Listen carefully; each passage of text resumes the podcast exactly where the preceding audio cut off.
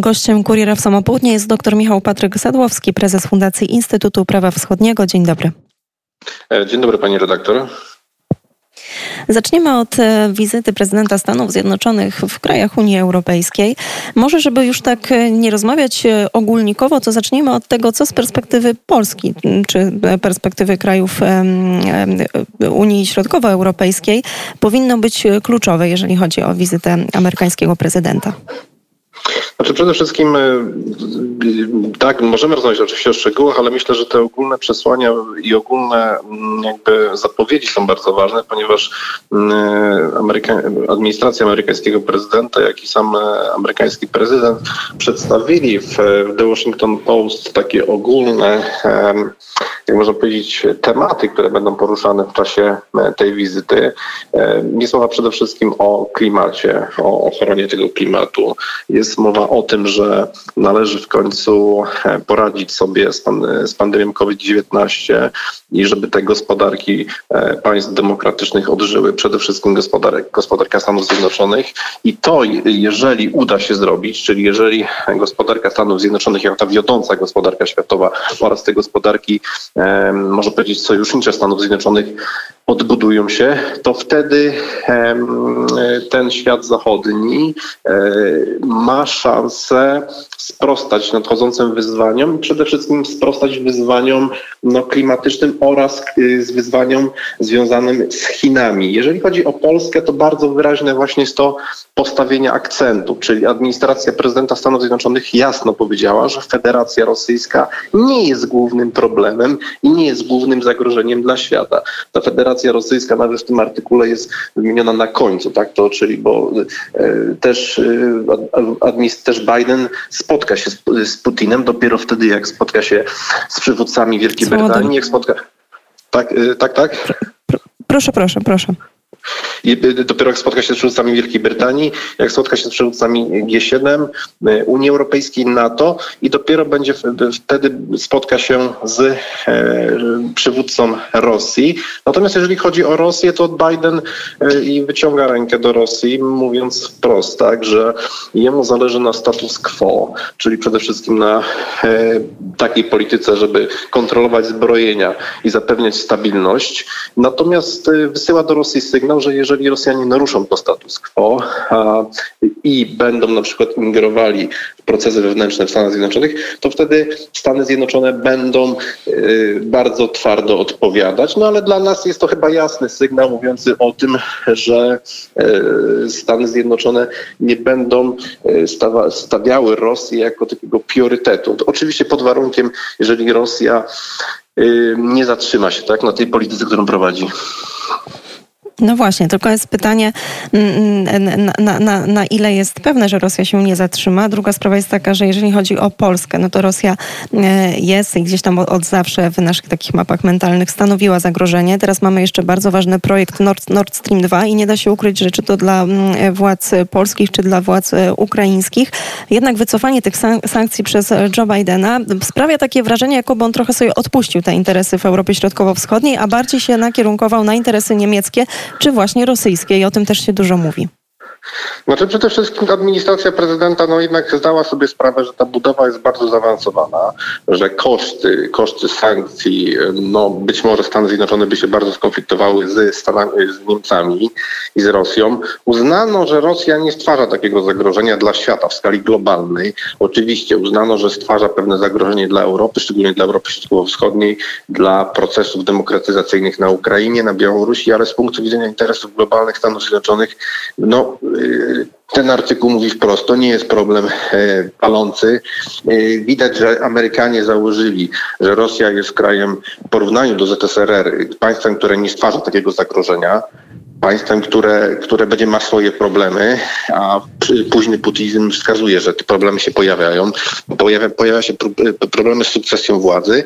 No i Stany Zjednoczone porozumiały się z Niemcami w tym zakresie, że to Niemcy będą próbować, no pytanie jak, jak im się to uda, bo to będzie bardzo trudne, oddziaływać na, e, na, na Rosję, tak, poprzez właśnie Nord Stream, tak, będzie Nord Stream ma być dla elit niemieckich y, takim instrumentem oddziaływania naciskania na Rosję i też powściągania Rosji.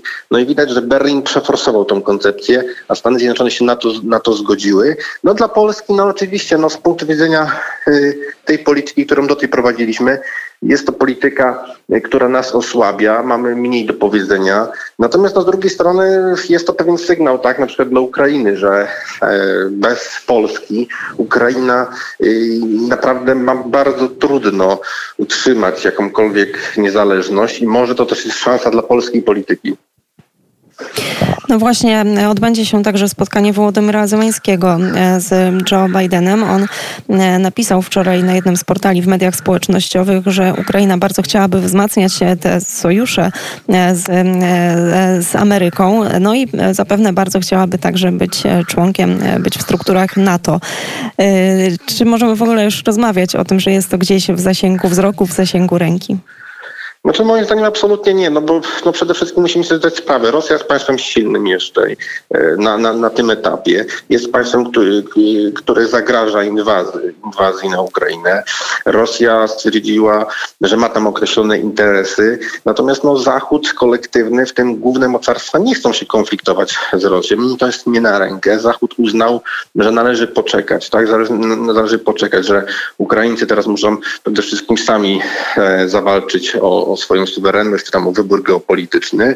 E, natomiast i też trzeba patrzeć, co się dzieje, co będzie się działo w Rosji. Może ta Rosja będzie w jakimś kierunku ewoluować. No na, na, na tym etapie, no niestety, ja jestem pesymistą i tutaj może to zabrzmi brutalnie, ale na razie żadnych, znaczy wielkich nadziei albo realnych nadziei na to, że Ukraina wstąpi do NATO, no nie ma. Realnie nie ma i też Amery y, prezydent Biden przyjedzie do, do Europy powiedzieć, że y, obecne traktaty NATO są obowiązujące dla Stanów Zjednoczonych, ale dla NATO, czyli dla granic NATO, dla państw NATO, a nie dla państw, które się znajdują. Oczywiście tam jest wskazywane, że mm, Rosja ma realizować politykę status quo, tak, wobec Ukrainy, czyli ma jakby no, zatrzymać się na tym, co jest. Oczywiście, no, z jednej strony to też jest szansa dla Ukrainy, natomiast z drugiej strony, no, wiadomo, że mm, te siły prorosyjskie będą miały teraz więcej czasu, tak, także na pewno ta, cały, ten cały obrót sytuacji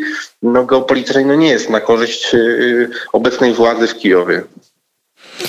Jednocześnie też jak obserwuje, obserwujemy to, co dzieje się wewnątrz e, sceny politycznej, rosyjskiej sceny politycznej, no to też cały czas dochodzą do nas e, bardzo niepokojące informacje, chociażby e, sytuacja dotycząca dziennikarzy, mediów w Rosji.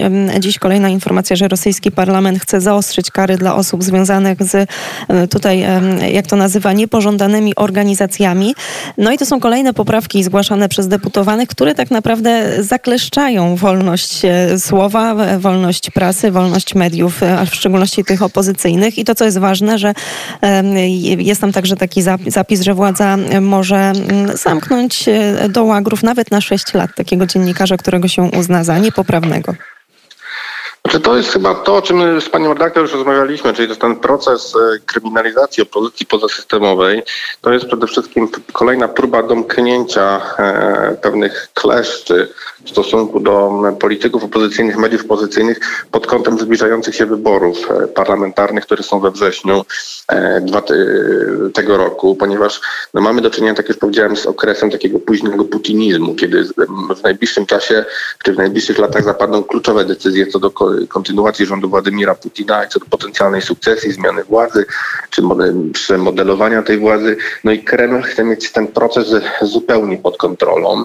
E, chce kontrolować go tylko za pomocą swoich środków, swoich polityków, swoich dziennikarzy, a te, dlatego te wybory są bardzo ważne, ponieważ mają zabezpieczyć parlament na kolejne, e, kolejne lata, ponieważ ostatnie wybory były w 2016 roku, a że e, mamy może nie reset, ale pewne odprężenie sytuacji z Zachodem, e, a dwa, Zachód nadal wychodzi z tej recesji COVID-19 i ten Zachód nie ma sił, żeby się sprzeciwstawiać Rosji, Unii na, na, na, jej podwórku, no to oczywiście władze Rosji korzystają, korzystają z tego i, pró i pró próbują konsekwentnie realizować mm, zapowiedzianą przez siebie politykę. To na zakończenie jeszcze sprawa Białorusi. Łukaszenka ogłosił nowe święto narodowe, tak zwany Dzień Jedności Narodowej, który ma być obchodzony 17 września. Tak się składa, że jest to rocznica agresji ZSRR na Polskę. No i pytanie, czy powinniśmy jakoś na to zareagować?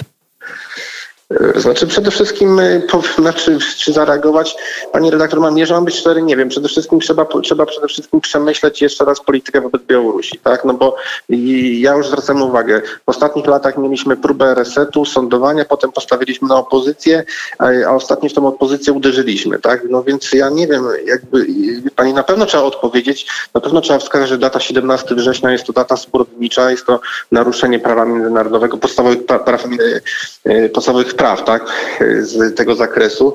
E, trzeba protestować, natomiast no, trzeba też przemyśleć politykę wobec Białorusi, tak, w którą stronę my idziemy, bo niestety no, obecna sytuacja pokazuje, że yy, nawet obóz władzy powoli nie wie. Powiedział dr Michał Patryk e, Sadłowski, ekspert zajmujący się krajami bloku wschodniego, prezes Fundacji Instytut Prawa Wschodniego. Bardzo dziękuję za rozmowę.